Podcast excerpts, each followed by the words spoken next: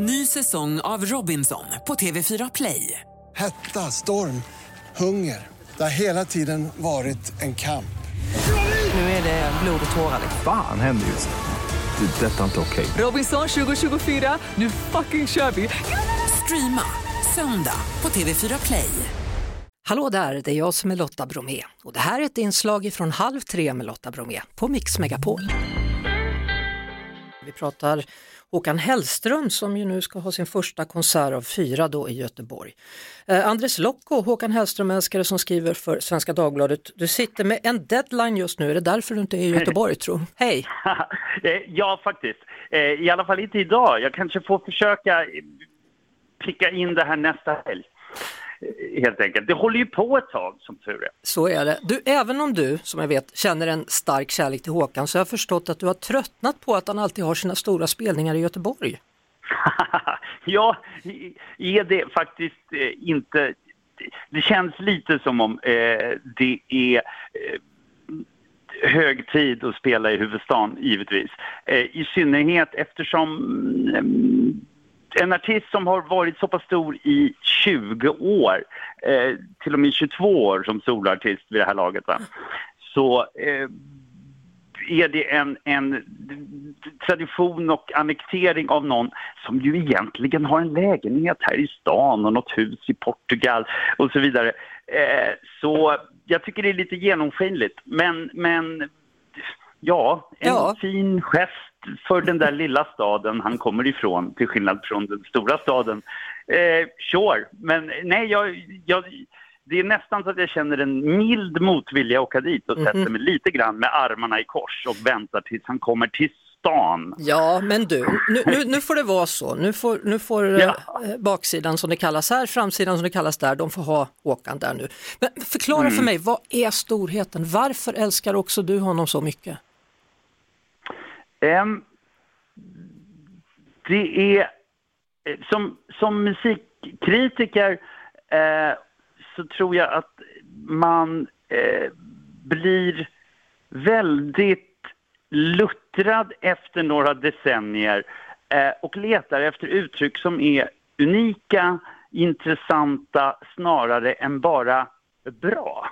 Eh, och det som gör Håkan Hellström så speciell är att jag kan liksom inte hitta några anglosaxiska och internationella förebilder eh, till Håkan Hellström. Du kan nästan alltid säga, liksom, för att förenkla det, att vi, ja, men vi har en, en Bruce Springsteen i Ulf Lundell och så vidare.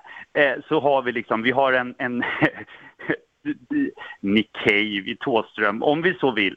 Eh, det finns liksom det finns alltid en eller två namn man kan liksom sätta som Ja, men det är självklart. Det här är Sveriges motsvarighet till det här. Håkan Hellström saknar en sådan. Utan man måste sätta ihop en hybrid av hundratals. Ja, eller så kan man bara säga att Håkan Hellström är en kopia av Håkan Hellström om man vill. Då Ja, blir det det, kan man enklare. göra, men man kan...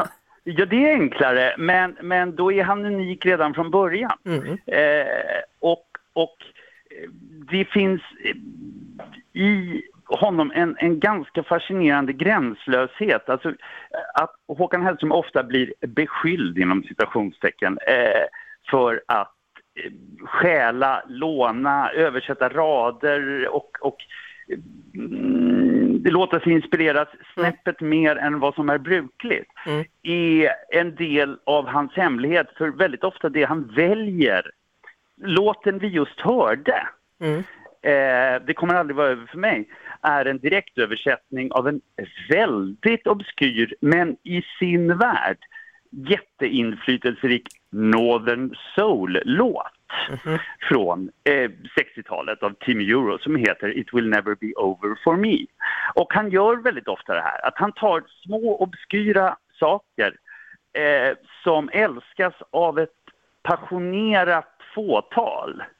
Och detta inkorporerar han liksom på olika sätt i sin musik så att sådana som jag Eh, och då menar jag inte kritiker utan bara musikälskare som, Mm. som hittar det här är ju bara till mig, det här förstår ingen annan.